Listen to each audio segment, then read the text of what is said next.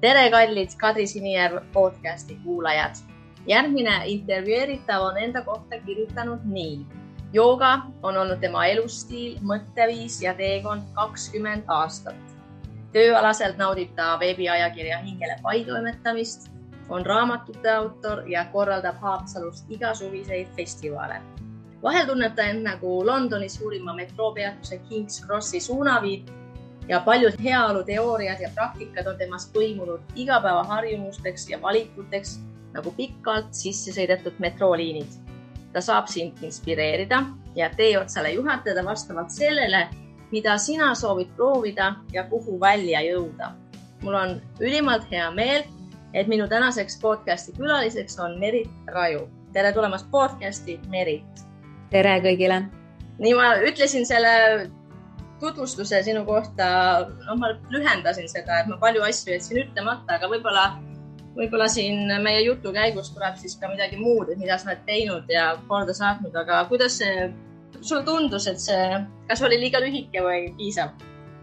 Muidugi piisav, ma saatsin sulle lihtsalt äh, nii-öelda toore materjali, et sa saaksid ise valida, mida öelda, mida, mida sisse jätta, mida välja jätta, sest meie kõigi elud on ju nii kirjud ja nagu öeldakse, igaühe elust saab vähemalt ühe raamatu. et siis äh, täpselt nii palju meil ongi öelda, et, et siis selles mõttes sellised podcast'id ongi need kohad, kus neid kärpeid teha ja tuua välja see, mis tundub hetkel huvitav. ja see tutvustus oli sinu kohta üldse nagu väga huvitav ja mul on tõesti väga hea meel, et seda sinuga rääkida ja ma loodan ja ma usun ja ma noh, tean, et ka kuulajad saavad sellest intervjuust kindlasti midagi ka endale nii nagu minu kuulajad võib-olla juba teavad, on mul podcast'is nii-öelda ka selline äh, kindel raamistik ja esimene osa on nii-öelda pingest vabaks osa, kus ma esitan siis külalisele kolm küsimust, nii ka sulle.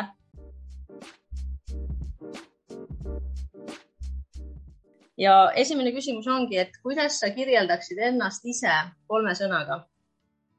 ma arvan, äh, rõõmsameelne, naiselik, uudishimulik ja kuidas sulle tundub nagu ennast nagu kirjeldada, et kas sa nagu mõtled,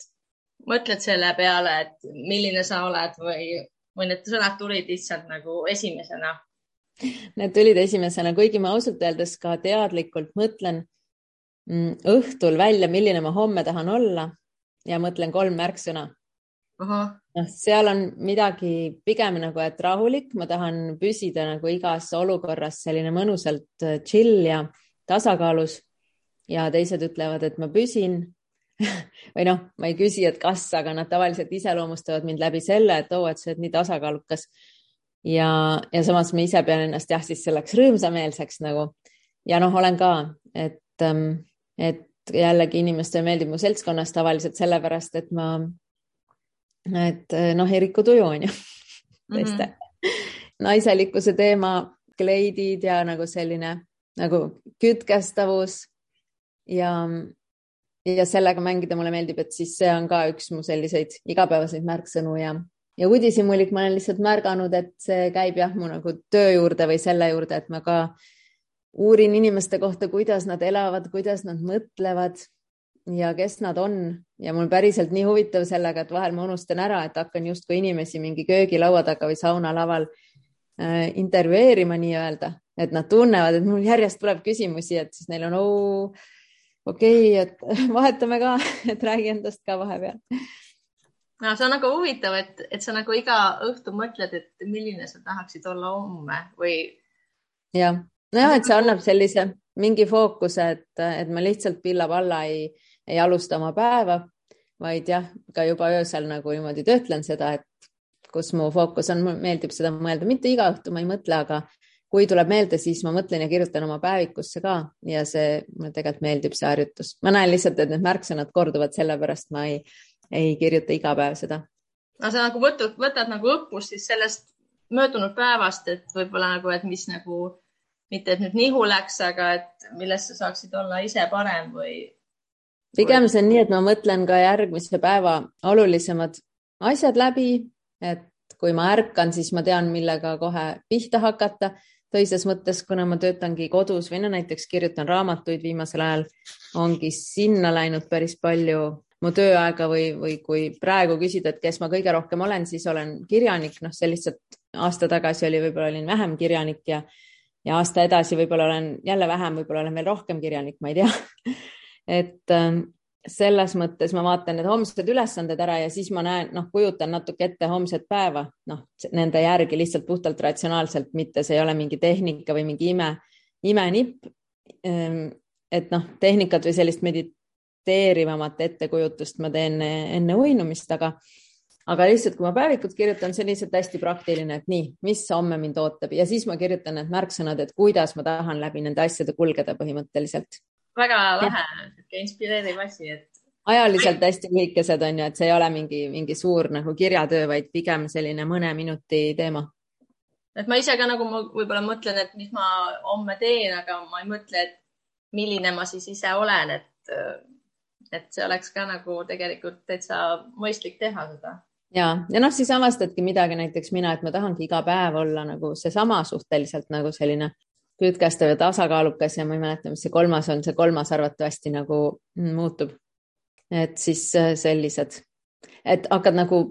enda järgi saad järeldusi või enda kohta saad järeldusi teha selle järgi, mida sa oled sinna kirjutanud. ja siis äh, jah, et kas on vaja nagu tööd teha, et sellega nagu veel rohkem tegeleda. näiteks äh, mu sõbranna näitab mulle paari päeva pärast, kuidas meiki teha sest mul on natuke vaja tööd sellega teha, ma pole kunagi meikinud, aga nüüd ma mõtlesin, et ma võiks ühe nagu lisa, lisaasja äh, õppida mm -hmm. ühel hetkel, et sest see oleks lihtsalt selline vallatu lisa minu jaoks. Mul oli väga huvitav ja õppimise kohta sa kirjutasid ka, et sa oled väga palju nagu erinevaid asju omandanud ja õppinud ja kursus e, e-kursusi läbi teinud, et äh, see on ka nagu väga äge. aga teine küsimus siin alguses on, et äh, kuidas sul tänane päev algas? täna on esmaspäev. ja tänane, esmaspäevad on tavaliselt natuke keerulised, sest et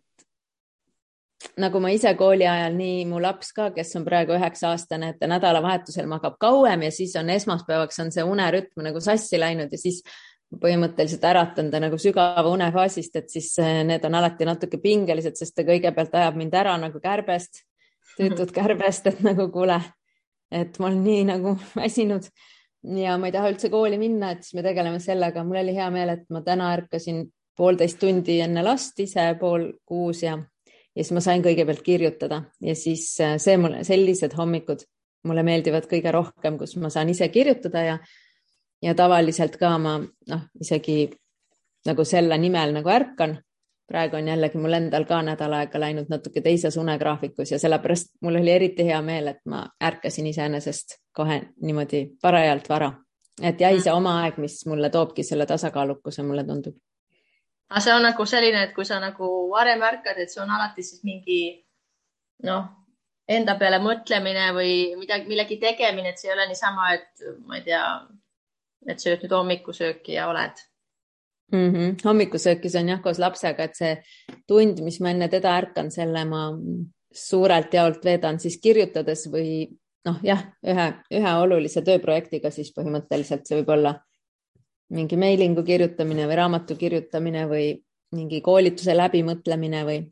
ühesõnaga mingi töine asi, kus ma saan kohe hommikul juba selle tunde, et et kõige tähtsam asi on tehtud või, või tegemisel vähemasti. see on üks selline nagu häkk või noh, ma varem, kui laps oli väiksem, siis ma töötasin õhtuti ja öösiti ka ja jõudsin läbipõlemiseni ka seetõttu. lihtsalt see on väikeste laste emade tavaline lahendus, oh, et, et tahaks ju samamoodi aktiivselt edasi elada nagu enne last. ja siis mingil hetkel on vaja see töö ära teha või kõik need kohustused, mis sa oled endale võtnud ja siis tihtipeale seda tehakse lapse une ajal ja, ja mina siis ka sedasi. Või noh, seal oli erinevaid aspekte, et ma ei tahtnud teda eriti lasteaeda panna, tahtsin hästi palju päeval temaga olla. ja siis, ja siis ikkagi millalgi sa pead need asjad ära tegema. Ja siis ma tegin neid hilisõhtul, sest hommikul, kui ma tulin ära lapse juurest voodist, siis ta tajus, et mind ei ole ja siis ta ärkas ise ka nagu mingil sellisel kellaajal, mis ei olnud talle tegelikult õige ja tervislik siis tal oli tuju ära, siis oli mul ikkagi töö tegemata ja stress ja nii, et siis ma selles mõttes kuidagi paratamatult ja teadlikult siis valisin selle õhtu, aga see läks liiga intensiivseks ikkagi keha jaoks. ja mm. siis äh, nüüd ma olin nagu piisavalt välja puhanud aasta tagasi, et äh, laps oli esimeses klassis ja ja ma tundsin, et nüüd ma saan hakata hommikuti enne teda ärkama ja siis ma sain küll selle mm, mingile asjale pihta, et, et kui noh, ma saan õhtuti ka asju valmis, aga kui ma hommikuti teen, siis tuleb neid õnnehormoone nagu terveks päevaks, et kui sa teed nagu enne seda, kui üldse maailm sisse sõidab, kui keegi oma vajadustega sisse sõidab, kui sa saad enda asjad valmis, mitte valmis, valmis on ju, see on üks tund. aga, aga saad midagi tehtud ja siis, äh, siis tuleb selline heaolutunne sellest, mis kannab nagu läbi terve päeva. Versus kui muidu lükkad õhtu peale asjad, siis sa terve päeva nagu alateadlikult mõtled selle peale, et oi, mul on see veel vaja teha ja, ja selle peaks valmis saama ja siis äh, noh, õhtul ei ole see nagu aju ka nagu parimas vormis. kuigi ma ei, ei tundnud nagu erilist vahet ise onju, et sain ikka õhtul ka tehtud, aga just see õnnehormoonide vahe on minu meelest või mingi selline heaolutunde vahe on hästi suur, et kui hommikul või kui õhtul teed see tund või kaks. no see on sama asi, kui ma ei tea, eelmisel õhtul nagu juba välja mõelda, et kui ma hommikul ärkan, siis ma lähen jalutama. Et mulle meeldib ka et kui hommikul juba käia noh, jalutamas või jooksmas ära, siis on nagu juba päev mõnusalt alanud ja ei pea enam õhtul minema, et siis võib ka õhtul just, minna, aga ei pea nagu mõtlema, et ma nüüd pean minema, et see. just, hea, et sa seda mainid, sest et äh, ma tavaliselt ja räägin seda niimoodi nagu töiste asjade kontekstis või niimoodi, et saab mingi tööasja tehtud, aga tegelikult täpselt samamoodi annab heaolutunnet see, kui sa oled oma hommikuse jalutuskäigu teinud või, või jooksmise, nagu sa ütlesid. ja tegelikult siis ehk siis ükskõik mida, mis on sinu jaoks oluline ja tõesti, mida sa siis õhtusse ei lükka seetõttu, et see annabki selle nagu öeldakse, kui me näeme, et midagi saab valmis, siis me saame äh, enesekindlust nagu enda enesetunne nagu paraneb ja enese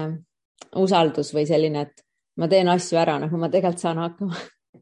Öeldakse, et isegi nii väike asi nagu voodile teki peale tõmbamine hommikul, et sa oled nagu teinud selle väikse asja ära, sest aju jaoks ei ole vahet, et kas sa nüüd tegid mingi fonditaotluse ära praegu kuskile mitme miljoni euro eest või sa tegid nagu panid voodile teki peale, et mõlemad on aju jaoks nagu võrdsed asjad, et sa oled hästi tubli inimene, et sa teed asjad valmis, mis sa ette võtad. no sa rääkisid just, et noh, sa tegeled hästi palju või mitmete asjadega seal tutvustuses oli ka nagu, ma ütlesin selle kohta väga palju mm -hmm. ja et kolmas küsimus olekski, et mis sind siis praegusel hetkel innustab kõige rohkem? võib muidugi öelda nagu rohkem kui üks asi, aga ja, mis nagu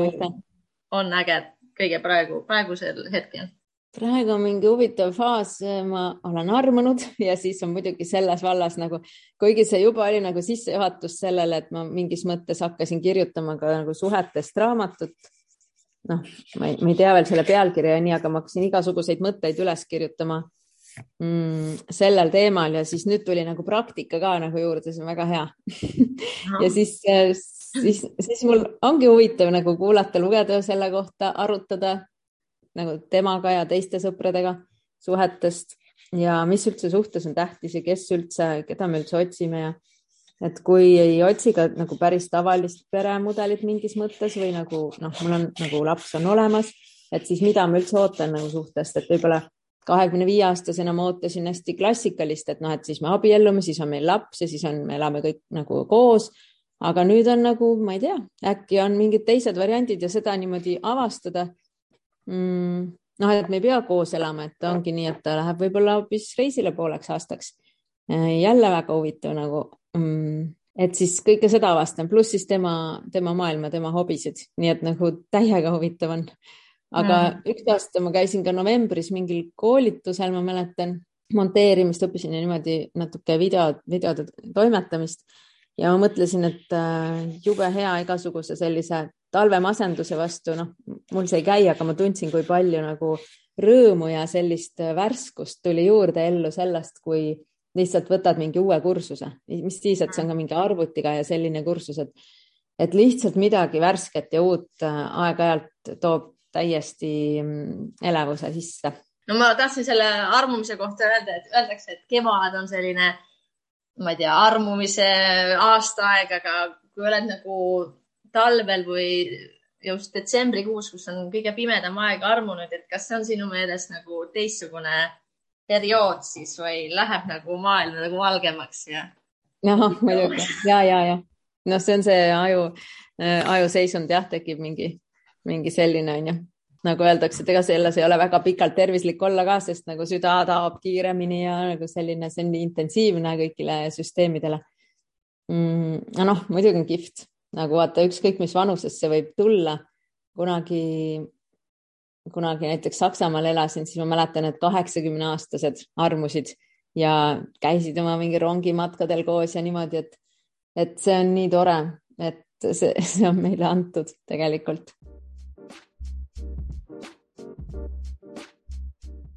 no lähme siin vaikselt teemasse, et mul on mitu asja või valdkonda, mida ma tahaksin täna puudutada. me elame praegu detsembrikuus, aasta lõpp ei ole kaugel, et alustakski sellest, et kuidas sa ise koged nagu seda aasta lõppu ja uue aasta algust, et kas sa nagu käitud kuidagi teistmoodi või teed asju teistmoodi või valmistud ennast uueks aastaks ette? natuke ikka jah, et selles mõttes mm, mul vahepeal mul oli selline faas, kui mulle ei meeldinud esimesed jaanuarid, et sinna kuidagi pandi liiga palju ootusi ja raisati liiga palju raha ja tehti liiga palju pauku, ei saanud normaalsel ajal magama minna. noh, nüüd endiselt ma nagu ei leia, et, et peod peaksid kallimad olema kolmekümne esimesel detsembril või siis, et, et peaks nagu kauem üleval olema ja paugutama väga kõvasti ma pigem otsin võimalust, et kus saaks äh, rahulikult maakohas olla, kus on vähem pauku, võib-olla mm,. aga siiski sisemiselt küll ma mõtlen läbi, et noh, mis ma algavalt aastalt ootan, mis mu prioriteedid võiksid olla. ja jälle noh,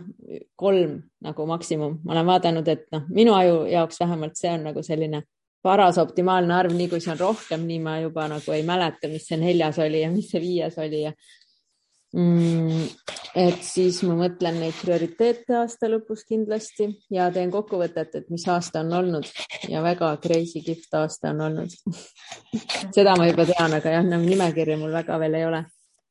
noh, kuigi ma jah, need kolm asja ma suudan isegi öelda. No siin aasta lõpus tuli sul ka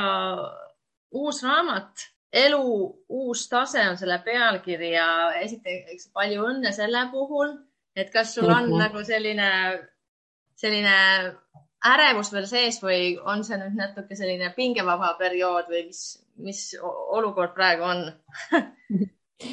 ja ma sättisin selle raamatu ka jah, just nagu aasta lõppu, sest et see sobib ka, see on ka siis nagu oma, oma elu, elu kujundamisest põhimõtteliselt või elu disainimisest ja elu, elustiili disainimisest sinna ümber et asjad läheksid rohkem selles suunas, kuhu sa tahad ja mis annaks just sulle selle tunde, et jess, et ma olen elus ja nii äge, et see on minu elu. ja siis mm, ma olen nüüd saanud esimesed lugejakirjad, aga ma mm,, kuna mul täna laps, õpetaja helistas, et lapsel on süda paha ja tule kooli järgi, siis ma ei jõudnudki arvutisse, et neid lugeda, et ma näen, et neid juba on nagu mingi viisteist kirja või midagi sellist. nii et ma nagu ja noh, nende algusi ma nagu näen, et see on hästi nagu tänusõnad ja niimoodi, et siis nüüd on selline lugejatega suhtlemise aeg, et vahepeal jah, oli selline vaakumi hetk, kui ma ei teadnud, noh, minu käes see raamat enam ei olnud, onju, see oli juba trükikojas, siis oli teel lugejateni ja nüüd on see hetk, kus, kus ma saan nagu esimest tagasisidet ja ja kuna ma seda hästi austan ja tahan keskenduda sellele ja vastata kõikidele isiklikult ja, ja piisava põhjalikkusega, mida nende kiri siis nõuab või ei nõua, mm, siis ma jah, nagu võtan selle jaoks siis homme aega, kui, äh, kui on minu vaikne keskendumise aeg. nii et praegu on jah, lugejatega selline sideme tekkimise aeg ja see on hästi-hästi tore selline. beebi on sündinud, nüüd näitasin teistele ja nüüd nad jagavad nagu oma, oma mõtteid sinna juurde ja noh, eesmärk on alati nagu inspireerida, et ma mäletan, et ka mul esimene raamat, kui ma ei teadnud, kuidas inimesed vastu võtavad noh, üldse raamatuid või nagu ei olnud nagu kogemust nagu selle kirjaniku poole pealt või kirjutaja poole pealt. ja see esimene raamat oli lihtsalt kontorist vabaks võetud aastast või aasta kontsakingedeta oli selle pealkiri. ja siis ma mäletan, et üks ähm, vanem naine, pensionär luges seda ja ma mõtlesin, et oh, et mis tema küll sealt leiab, et tal ongi ju nagu pensionil ongi ju kontorist vaba aasta aga ta ütles, et tema ka tahab ikkagi seiklust ja nagu vabaduse tunnet ja tema otsustas teha endale autojuhiload. ja mm. siis ma mäletan seda tunnet, et jess, et tegelikult ma ei kirjutagi seda, et nagu tehke täpselt nii, nagu mina teen, vaid et leidke sealt see inspiratsioon, et mis paneb mõtlema, et oota, mis mina tegelikult tahan ja ja noh, läbi minu lugude ja läbi harjutuste ja, ja niimoodi mm, saan nagu mõtterännakutele juhatada, et sul tulevad need mõtted, et aa, okei okay,, ma tahan hoopis seda teha nagu. võib-olla hoopis vastupidist, mida mina tegin, aga just, et mis annab sedasama tunnet, et nagu jess, ma olen elus ja jess, see on minu elu no see eluvustase on kaheksas raamat, et kuidas, millal nagu sul tekkis see mõte, et kirjutada selline raamat? kui pikk protsess see on kõik ja kuidas sa nagu, millest sa nagu noh, sa ei pea nagu täpsemalt, täpselt ütlema, aga kuidas, millest see kõik algas? no see on alati hästi intuitiivne protsess, et ma võin nagu peaga mõelda, et millest ma tahaks kirjutada, aga siis kuidagi tuleb mingi tunne, et ah, hoopis sellest, et mul praegu ongi päris mitmed raamatute ideed ja ei tea, millised millisteks vormuvad, nagu ma ütlesin, kirjutan suhetest, on ju. ma ei tea, kas see tuleb raamatuna, kas, äh, mis sellega saab või, või kui palju see raamat suhetest päriselt tuleb, on ju, et siis selle raamatuga oli elu uus tase oli noh, ma kirjutan jah, tavaliselt nagu enda elust ka nagu näiteid ja, ja minu jaoks see elu planeerimine, noh, jutumärkides on ju, et ega noh, mingi asi annab planeerida ja mingi ei anna. et ma täiesti tajun seda, seda ka mm,. aga see on minu jaoks hästi loomulik olnud kuskil kakskümmend aastat, et ma mõtlen ikkagi, mis on prioriteedid ja kus see fookus on ja ja kuidagi ajapikku aina rohkem, sest mul on hästi palju energiat ja siis ma armastan teha hästi palju erinevaid asju ja siis noh, ongi, et neli aastat tagasi põlesin läbi, et et ma saan aru, et ma pean tegelikult fokusseerima energiat ikkagi ja siis see tähendabki prioriteete. Ehk siis see on nagu enda elust, et mis minu elus need toimivad asjad on, kuidas ma planeerin ja kulgen seal sees ja usaldan seal sees ja ja kui ma olen kaks aasta lõppu teinud webinare sellel teemal, et kuidas oma vaimustavat aastat planeerida siis ma olen märganud, et mul on palju rohkem rääkida kui see tund, mis ma lubasin, et webinar kestab. tavaliselt ka läksid need webinarid üle, esiteks üle aja ja teiseks ma tundsin, et ma ainult nagu pinnavirvenduse suutsin edasi anda, et ma tegelikult nagu tahan palju rohkem selle kohta öelda.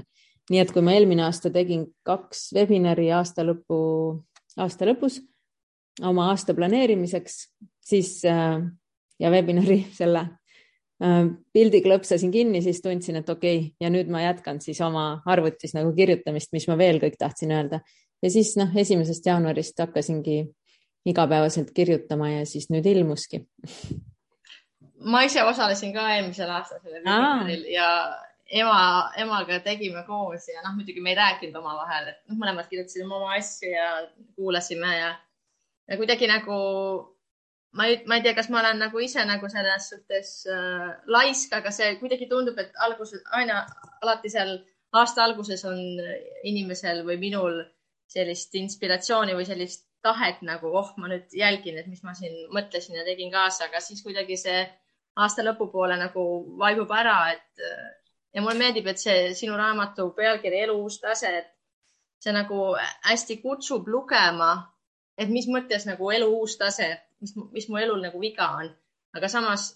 ikkagi nagu hakkab mõtlema, et äh, appikene, et äkki mul olekski vaja nagu midagi uut mõelda, et, et siin nagu mingeid asju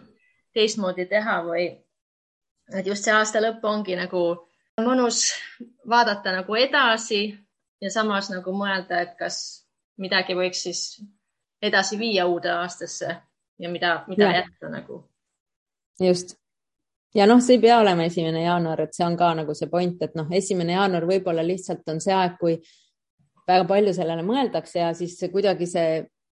ühise energia on nagu ka õhus, mis natuke nagu võimendab seda, et oot, aga mis mulle praegu tähtis on, et siis teised ka mõtlevad samal ajal selle peale ja siis kuidagi mulle tundub, et on nagu hea, hea voog selle peale mõelda. võib-olla mingi üheteistkümnendal augustil ei mõelda, et noh, teised ei mõtle selle peale, siis sa pead ka nagu jõuga hakkama ise mõtlema, aga muidu või noh, pead tahtma, on ju, et noh, oma sünnipäevad on head algused alati, et kus tagasi ja edasi vaadata ja siis ja iga suvaline päev. Selles mõttes, et tegelikult ei ole nagu vaja oodata, et aa, okei okay,, et täna on alles nagu kuues detsember, et äh, ma siis hakkan siis alles mõtlema, on ju, kuskil hiljem, et võib täna ka täiesti mõelda. tähtis on lihtsalt nagu teada natuke, et sest meil on nii palju neid noh, segajaid nagu terve internet on seda täis ja ma vaatasin, just käisin mingis kaubanduskeskuses lihtsalt WC-s ja siis seal oli, keegi oli kirjutanud, et mul on igav. Nagu seina peale oli kirjutanud. Yeah,, siis keegi teine oli kirjutanud, et ah, jah, vist isegi, mul on igav siin poti peal istuda. Ja siis keegi oli kirjutanud vastu, et mul ka. Ja mõtlesin, et vau, et noh, tänapäeval ei ole üldse mingit igavust ju enam, sest kõigil on telefon taskus ja keegi ei kannata enam igavust, aga igavus on nii oluline meie loovusele ja unistamisele ja analüüsimisele ja mõtlemisele, et selles mõttes rohkem igavust ja siis need pimedad õhtud on selles mõttes head, et, et suvel me noh, muudkui suhtleme ja käime saunast sauna ja järvest järve, et, et siis vahepeal äh, just see november, detsember, jaanuar võttagi sellisteks aegadeks, kui vaatad küünalt ja vaatad endasse ja loed ja mõtiskled ka nagu lisaks saunale ja järvele võib-olla. vaikus nagu kõneleb tegelikult ka. ja, ja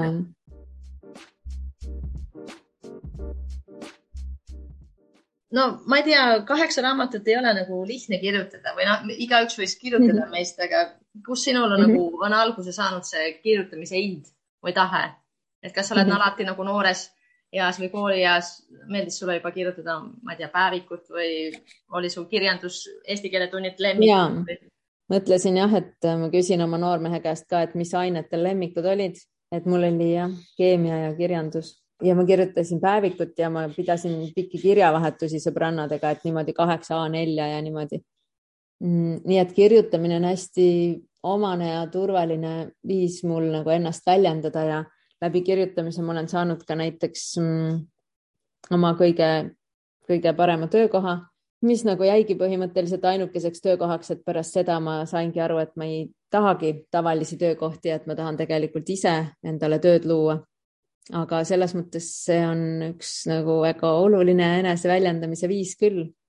kuigi nüüd toimetajatega koos töötades, noh, olles ka kahe ajakirja peatoimetaja olnud ja siis, siis ma olen ka vahepeal ebakindlaks läinud ja siis saadan toimetajale ikka isegi nagu mingi paar lauset nagu vaadata, siis enamasti need on õiged, aga mõnikord on ikka mingid vead. et ma arvan, et see ka üldse, kui midagi,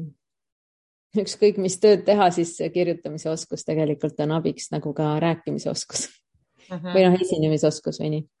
no on sul nagu mingit sellist äh, kindlat aega või millal sulle meeldib kirjutada hommikul, õhtul, öösel või öösel magada? ja no, hommikul, aga eelkõige peaks olema lihtsalt nagu segamatu aeg vanasti mul oli see reegel, et vähemalt kuus tundi peab järjest olema aega, et ma saaks üldse nagu hakata kirjutama. nüüd, nüüd kui laps on olemas mu elus, siis, siis ma enam nagu selliseid illusioone ei loo, et mul oleks kuus tundi segamatut aega, et see on ikka haruldus. ja ka aina rohkem ma kirjutan hoopiski niimoodi, et teen telefoni neid äh, voice memosid või selliseid audio notes'e ja siis lasen hoopis robotil ära selle transkribeerida ja siis kontrollin ise sest et ähm, mõnikord jalutades või autoga sõites tulevad mingid sellised mõtted, mis äh, tahavad kinnipüüdmist ja siis ma ei saa kirjutada ja siis, siis ma niimoodi salvestan. nii et nad võivad kogu aeg tulla tegelikult ja kui ma parasjagu mingi raamatu protsessis olen, ehk siis mingi teema nagu endale valinud olen, ma vaatasin, et väga sageli, kui nagu fookusesse võtta raamat, siis see võtab üheksa kuud selle kirjutamine nii nagu beebi ootaminegi et siis, kui see on fookuses, see teema, siis nagu ma olengi nagu avatud selle teemalistele igasugustele mõttekatketele peas ja nii, siis ma need kirjutan üles. nii et ma püüan nagu, püüan kinni need mõtted lihtsalt, et see ei pruugigi olla nagu arvuti taga järjest kirjutamine, vaid võib olla vahepeal märksõnad või laused, mis tulevad suvalistel hetkedel või, või ka teiste käest kuuldud mingi mõttekatke, et oh, seda ma tahaks üksinda edasi mõelda kas sul on enda kirjutatud raamatutest oma lemmik nagu või on kõik need sellised armsad teosed sinu jaoks? ja ei saa niimoodi öelda jah, sest et need on alati minu mingitest eluetappidest ja, ja selle hetke nagu sellised olulised beebid, noh, umbes nii nagu jah, kui lapsed sünnivad, et siis igaühel oma nägu ja oma lugu ja oma nimi ja kõik on omamoodi armsad, aga igaüks nagu erinevas mõttes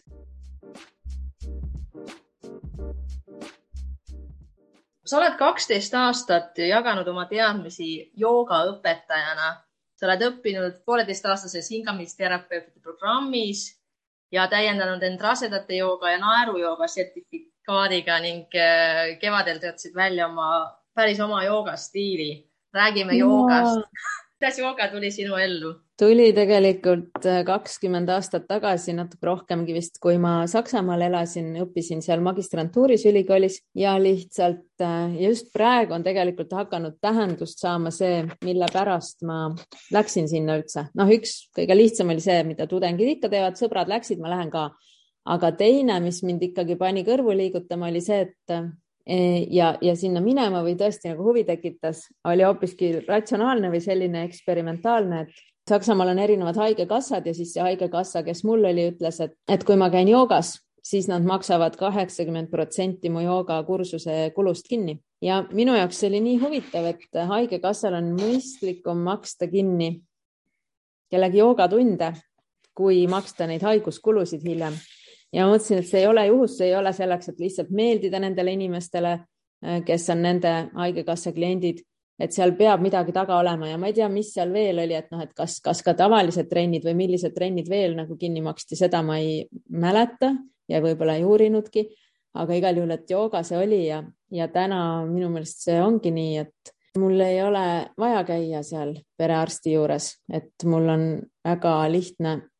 ise noh, kuna jooga ongi selline nagu ennetamine ikkagi hästi palju ja väga vähe nagu juhtub minuga nii-öelda, nagu, et selles mõttes nüüd üle kahekümne aasta seda praktiseerinuna ma näen, et äh, see nagu ma tõesti tülitan Haigekassat väga vähe. noh, siis Eesti Haigekassat nüüd. jah, nii et sealt sai see teekond alguse, aga noh, õpetajaks ma õppisin hiljem, et lihtsalt mul, ma olin enne tantsimisega tegelenud ja kuidagi see jooga tundus mulle nii loomulik ja mõnus ja ja mind huvitasid ka igasugused naturaalsed asjad nagu ökotoit ja selline äh, taimeravi ja äh, loodusehitus ja kõik sellised joogaga haakuvad teemad põhimõtteliselt, et mis on selline tervislik elustiil ja, ja keskkonnahoidlik. kas sa tundsid, et jooga nagu selles suhtes muutis su elu nagu, nagu paremuse poole ka? kohe seda kindlasti ei märganud või ei märka, aga pika aja peale kindlasti, ma ei tea, kas kohe jah, kohe ma niimoodi ei märganud, et paremuse poole, aga tundsin, et, et meeldib mulle. mul oli nagu iga joogatunni ajal ja pärast oli jube hea olla. Öeldakse, et see on sellepärast, et see parasümpaatiline närvisüsteem aktiveerub joogas ehk siis nagu meie see rahuseisund, mida me muidu noh, kogeme põhimõtteliselt magamise ajal, aga ärkveloleku seisundis me oleme tavaliselt alati nagu sellised aktiivsed aga siis see on nagu ärkveloleku seisundi mingi teine mõõd või teine režiim. Ja ilmselt ma nautisin seda, olles päris aktiivne ja kärsitu ja, ja samas oli tore, et juhe, juhendaja juhatas nagu seal, et tee nüüd seda, nüüd tee seda, et noh, mu kärsitu meel sai seal ka nagu midagi endale. Ja siis eks ta hakkas ikka vaikselt elu muutma jah, toidulauda ja suhtlemisviisi ja endaga rääkimist või üldse mingit arusaamist, et et mina ei olegi mu emotsioonid ja see, kes mu peakorrusel räägib minu, minu nimel ehk siis ütleb, et mulle ei meeldi ja ma tahan nii ja et see ei olegi lõplik tõde, et tegelikult ähm, meil on nagu erinevad osad ja erinevad kihid ja hing üldse niimoodi ei, ei kisa ja ei ütle, et nagu mina tahan seda ja ma ei taha seda ja et siis äh, jah, ja aina tundlikumaks kogu aeg muutusin, et äh, mingid toidud ei sobinud enam, noh, mingid mingid inimesed ei sobinud ellu ja mingid kohad ei sobinud ja et aina rohkem valin selle järgi, et mis sellist head tunnet sees tekitab. et see kõik on, ma arvan, joogast, sellepärast et pärast iga harjutust peab seal tunnetama, et kuidas sa ennast tunned ja see on siis seal joogatunnis, aga hiljem see tuleb lihtsalt igapäevaellu kaasa, et pärast iga olukorda või iga olukorra ajal nagu aina rohkem kogen, et mida ma tunnen ja kuidas mulle sobib ja ei sobi ja ja see ei tähenda ka nagu valu vältimist või et iga kord, kui on mingi ebamugav, siis ma olen kohe läinud, sellepärast et see tekitab halva tunnet. et pigem ma hästi palju ka nagu noh, analüüsin ennast, et miks see oli, mis tunne mul tuli ja ma väljendan noh, aina julgemalt ennast ka nagu teistele, kuigi ma tean näiteks, et talle ei meeldi, mida ma talle ütlen, aga ma ikkagi hingan sisse ja ja võimalikult turvaliselt või nagu sõbralikult ja, ja hoolivalt püüan väljendada seda, mida ma tunnen või tahan või mida ma ei taha. ja noh, ma arvan, et ähm, ja kui ma sünnitasin, siis ma mõtlesin küll, et jess, et nii palju kasu on kõigest olnud nagu, mis ma olen teinud, kõik see jooga ja hingamine ja, ja selline ebamugavuses lõdvestumise oskus. et siis see oli see eksam nagu minu jaoks, et kuidas, kuidas see jooga siis töötab lisaks sellele, et niisama on olnud tore seal joogatunnis käia, aga nüüd ma näen, et see on nagu jah, imbunud igale poole, kuidas ma suhtlen, mida ma söön ja milliseid valikuid ma teen, et kasvõi kodus need ehitusmaterjalid või ehk siis, et oleks tervislik nagu endal hea, teistel minuga hea ja keskkonnal minuga hea. kuidas joogaga tutvust teha, kui inimesel ei ole mingit kokkupuudet sellega ja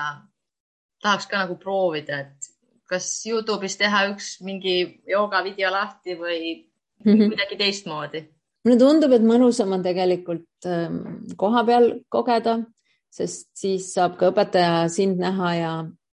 mm, ja tagasisidet anda ja noh, ma ei tea praegusel ajal, et kui palju saab ja kus, kus saab ja, ja aga enda lähedal on alati kõige parem. noh, joogastiile on erinevaid. tavaliselt siis ka soovitatakse neid erinevaid proovida, et, et mina olen kuskil seal keskmise koha peal, ma arvan, oma äh, selle kundalini joogaga, mida ma õppisin,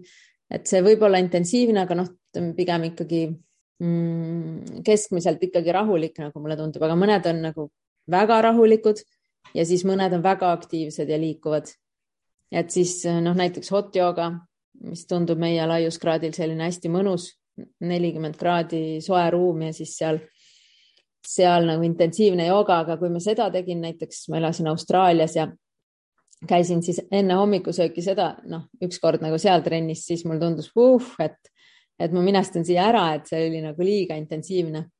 Et selles mõttes tuleb endale nagu noh, kui sulle esimene jooga, mis sa proovisid, ei sobi või ei meeldi, siis see ei tähenda, et nüüd kõik jooga läheb prügikasti. Mm.. et, äh, et lihtsalt no sellepärast ma hakkasin ka joogafestivale korraldama, et inimestel oleks võimalik seal nagu vähemalt kümme stiili oli meil tavaliselt, äh, saaks proovida ja sest noh, eesmärk on üks, et me tunneksime ennast nagu hinge, hingelt nagu rahul ja, ja meie keha oleks terve ja lihtsalt inimestel on erinev maitse, erinev ettevalmistus, erinev keha, erinevad elufaasid. et siis mõnikord ongi seda lihtsalt painutamist vaja ja, ja istumist või venitamist. ja mõnikord on vaja sellist hoogsat vehkimist ja mõnikord need siis vahelduvad, et seesama, see minu enda joogastiil mm, sündis kuidagi nagu läbi mu keha või jälle intuitsiooni kui ma oleksin selle nagu peakorruselt äh, loonud, siis see oleks tulnud hästi intensiivne ja naljakas vehkimine, ma arvan, naljakas selles mõttes, et noh, oleks inimestel nagu lõbus ka ja niimoodi, aga nüüd see tuli hoopis selline hästi aeglane painutamine mm, ümisemisega ja mingi selline noh hästi,, hästi-hästi-hästi rahustav tegelikult. Ja mitte nagu uinutav, aga selline, et nagu selline nagu mõnus seestpoolt voogav naeratus tuleb lihtsalt suule ja, ja see ei ole eriti pingutanud midagi, et ähm, ja noh, võib-olla natuke tantsuline ka või mitte tantsuline, aga et see nagu ühest poosist teise voogamine, aga, aga aeglaselt. et siis praegu mul oli just näiteks sellist stiili endal vaja, noh, eks ma ju tegin selle põhiliselt endale ja siis on mingid inimesed, kes, kellele see ka just praegu sobib. et siis ma sain aru, et mul endal on vaja just praegusel perioodil või kevadel, kevadel mulle tuli see stiil kuskil üle kuu aja nagu iga hommik ootasin, istusin matil ja ootasin, mis liigutusi mu keha hakkab tegema. et siis noh, minu kehal oli seda vaja ja siis, et sellest aru saada siis ka, et, et need stiilid on erinevad ja, ja erineval ajal võib sul erinev, sinu kehal erinev maitse olla stiilide suhtes või vajadus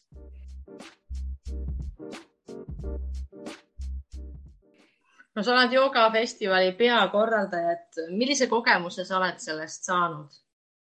Neid on olnud äh, mitu aastat, et äh, kuidas see aastatega on muutunud või kuidas see on sind muutunud, muutnud? ja see on üliäge kogemus olnud, et äh, noh, jälle väga paljudel tasanditel, et on mind kasvatanud ikkagi professionaalselt, ma arvan, et mul on palju, palju rohkem enesekindlust, mul on hästi ägedad noh, ju kontaktid ka välismaal, need kõik, kes on peaesinejad olnud, et nad on nüüd ka minu sõbrad ühtlasi. ja mul oli väga keeruline minna sinna lavale esinema esimesel aastal nagu nii suure publiku ette. Ehm, ja nüüd on see väga lihtne, et selles mõttes ma näen hästi suurt arengut küll endas. ja noh, kümme aastat on seda toimunud ja siis nüüd ka on see sisult muutunud selles mõttes, et ehm, kuna ka minu jaoks jooga ei ole enam jooga matil ainult, et siis noh, aastatega ta hakkaski aina rohkem selliseks enesearengu festivaliks muutuma, kus me rääkisime ka suhetest ja tööst, tööalastest valikutest, no nagu elust nagu holistilisemas mõttes nagu tervikuna, et mitte ainult tervisest ja heaolust.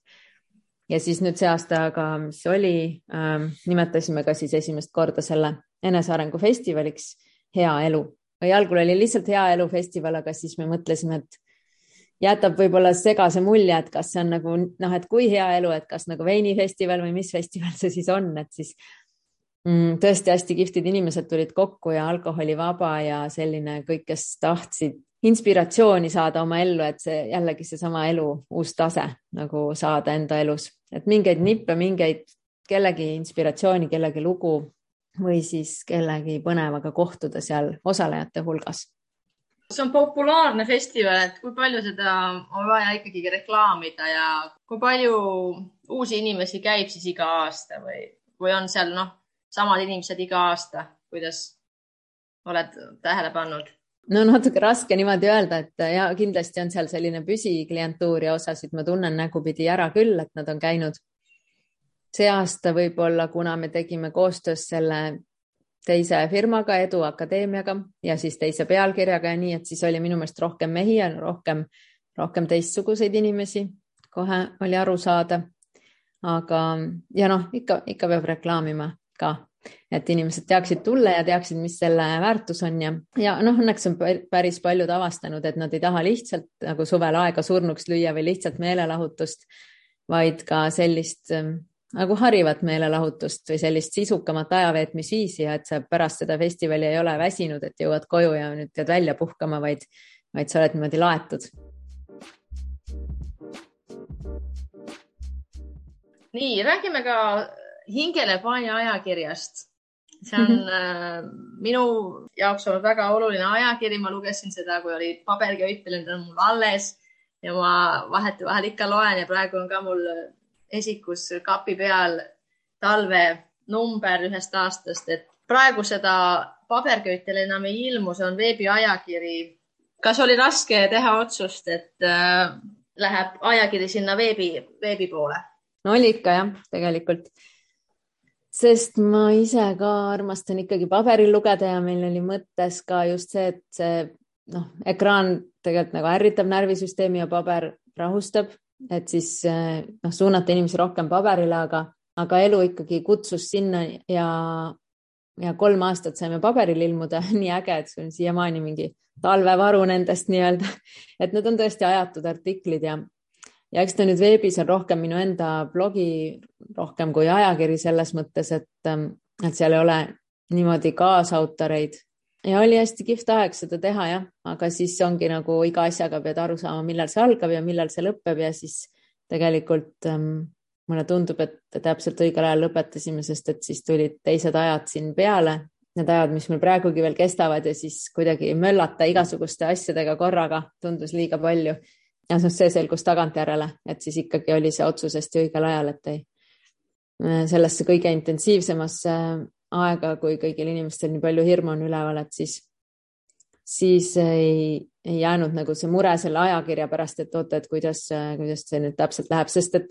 miks see ajakiri oli siis teistmoodi, oli see, et, ähm, et see oli reklaamivaba ja me ei kasutanud ühtegi fotopanga pilti, vaid ainult, ähm,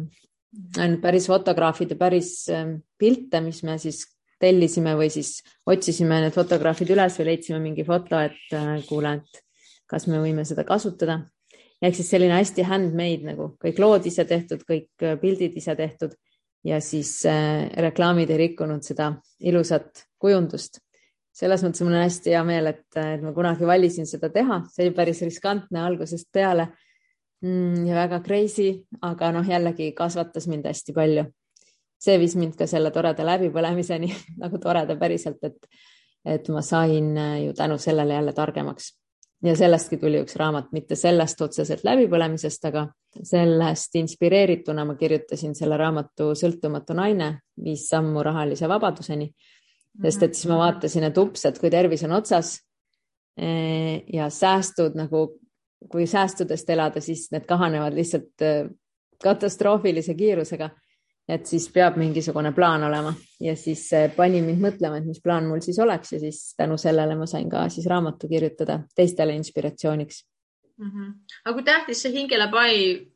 veebiajakiri või sa ütlesid nagu blogi nagu nii-öelda sulle praegu on, et sa ikkagi nagu kirjutad ja lugusid sünnib, et? ja no niimoodi kord nädalas, et selles mõttes ta ei ole nüüd Need, kes tavaliselt veebiajakirja tööle lähevad, nad ütlevad, nad peavad poole tunniga, noh po, iga poole tunni tagant uue loo postitama, et siis mul niimoodi ei ole. sest ma ikkagi nagu soovin kõikidele rahulikumat elu ja rahulikumat elurütmi ja noh, ka sellised nagu mitte nii kiired teemad on ju, et, et tramm tuli liinilt maha ja siis noh, poole tunni pärast, et mis selle trammiga nagu edasi sai, et sellest ma ju niikuinii ei kirjuta, et need on niikuinii sellised ajatud asjad ja, sellega ei ole nii kiire ja seda ei pea olema nii palju. no selle jaoks ikkagi võtad ka aega, et noh, mõtled, et mida järgmisena kirjutada või tulevadki need, et ahah, et täna ja. oleks selline mõte ja, ja need tulevad mu jalutuskäikudel või siis ka nendel hommikutel kell kuus. aga ma nagu tahtsin kindlasti, et see ei oleks ainult nagu kirjalik, vaid et seal oleks ka selliseid audioartikleid ja videoartikleid, et siis need on ka seal. et see mulle meeldib, et siis, siis ta on nagu rohkem elus ja siis ta on rohkem seda nägu, nagu ma tahaks, sest et kuna ma ise ka e, filmin ja salvestan aeg-ajalt, et siis inimestel on võimalus erinevat moodi seda tarbida, mitte ainult lugedes ja just need ajakirjad on ka kindlasti teistele alles, et soovitan mhm. soojalt need üles otsida ja lugeda, et need on ajatud mhm. ja nendest saab igast loost midagi endale. ja, ja kui me ise, ise kasvame, siis me jälle märkame teisi asju nendes lugudes, et ma ise kunagi käisin väga palju teatris ja siis vaatasin, et kui ma mingi viie või kümneaastase vahega mingit asja teatris vaatamas käisin, siis märkasin hoopis teisi asju selles loos. Noh, sama on raamatutega onju mm.. siis ja seal on, meil on jah igasuguseid artikleid meditatsioonist olnud ja minimalismist ja niimoodi, et, et seal on kogu aeg võimalik nagu natuke rohkem sügavuti minna, et jah, ma juba olen minimalist, aga et okei okay,, veel mingeid asju, et seda saab ka veel teha, väga põnev, proovin.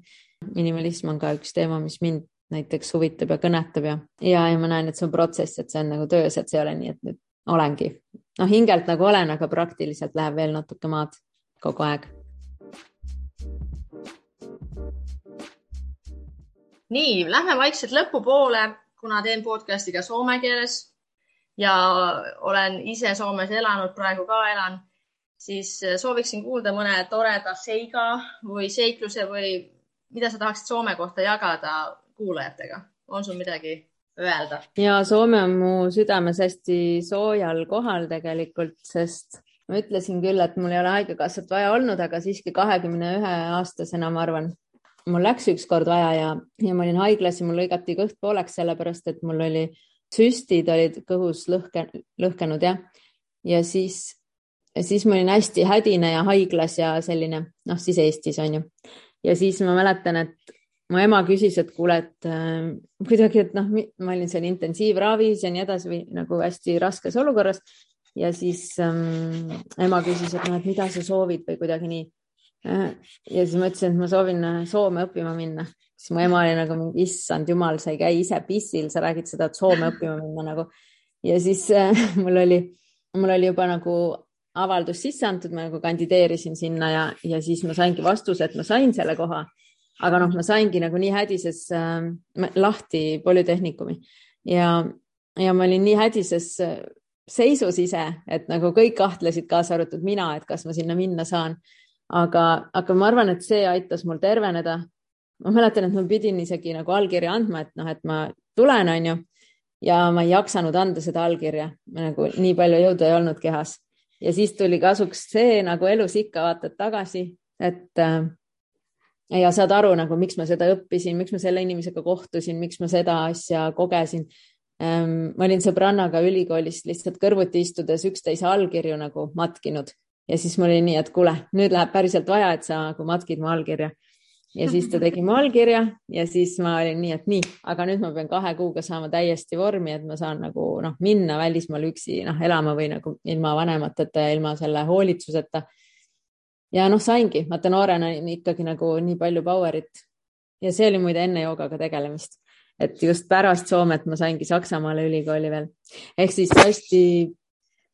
hästi-hästi mulle meeldis, minu meelest ilm oli hoopis teine, noh, Tallinnas on ikkagi nagu teine niiskus kui lahtis, kui ta on sada kilomeetrit rannikust. Äh, ja võib-olla oli ka lihtsalt hästi ilus aasta, ma ei tea, aga ma läksin esimesest veebruarist ja minu meelest kogu aeg päike säras, lumi, sinine taevas, nagu see oli nii ilus kogemus. ja ma olin nagu nii usaldav, et ma mõtlesin, et Soomes kindlalt keegi ei varasta midagi ja siis ja kunagi ei lukustanud jalgratast ja siis mul varastati vist kaks korda jalgratas ära. ja, ja neid jalgrattaid ikka varastatakse, aga jah. aga mis, mis, mis see tõuke nagu tekitas sulle, et mis see Soome nagu, miks kõne, Soome kõnetas no,? Soome nagu minu generatsioonile, noh, on tegelikult oli ikkagi selline imetema mm, sümbol või selline paradiisi äh, maa. et selles mõttes võib-olla oli ka selline lapsepõlve unistus, et äh, seal on nagu kõik olemas ja kui me käisime üheksakümnendatel, ma läksingi kaks tuhat aastal sinna elama, noh, üheks semestriks et kui me olime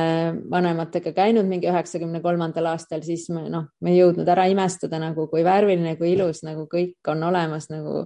ükskõik, mida soovid, kõik on poes olemas, et see. Mm, ja mulle meeldis ka, ma arvan, soomlaste selline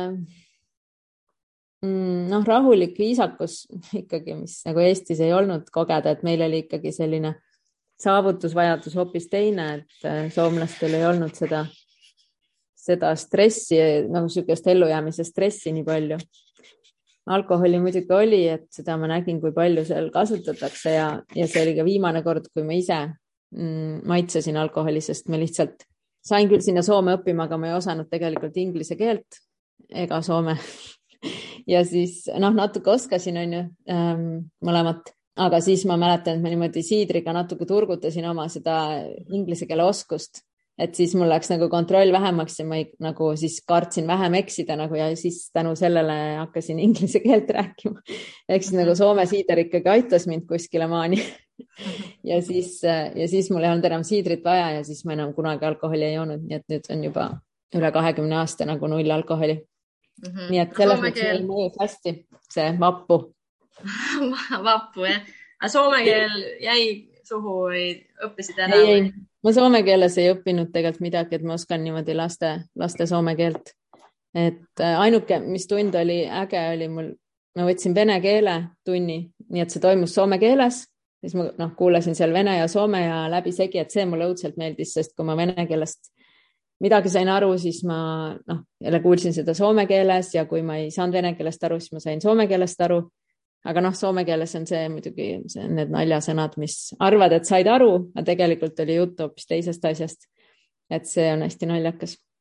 mm. -hmm. aga soomlased on ja siuksed õed ja vennad ikkagi ja, ja see loodus on hästi ilus, et um, mulle meeldib ka üksindus ja igaühel oma järv ja, ja noh, see graniit ikkagi meie lähedal, aga nii erinev loodus. Lapimaal oli ka huvitav, kuigi ma tahtsin seal jalutada, aga jalutada ei saanud, sest lumi oli ju kaelani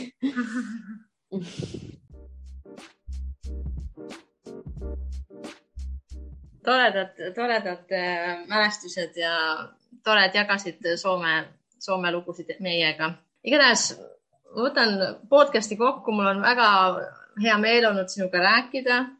Nii paljudest asjadest me oleks võinud veel rääkida, aga kuna sa oled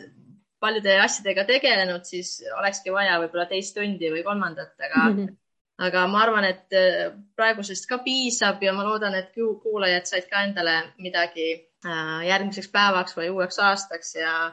sa inspireerisid kindlasti paljusid. aitäh sulle, Merit ja kõike head. ja aitäh sulle, Kadri ja kõigile kuulajatele ja tõesti õnn kaasa ja uut taset elus sellel aastal või sellel hetkel, mis sinu elus praegu just, just toimub ja mitte läbi selle, et peab olema rahulolematu, vaid vaid lihtsalt, et äh, uudishimust, et mida elul on veel pakkuda ja tal kogu aeg on. aitäh mm. -hmm. aitäh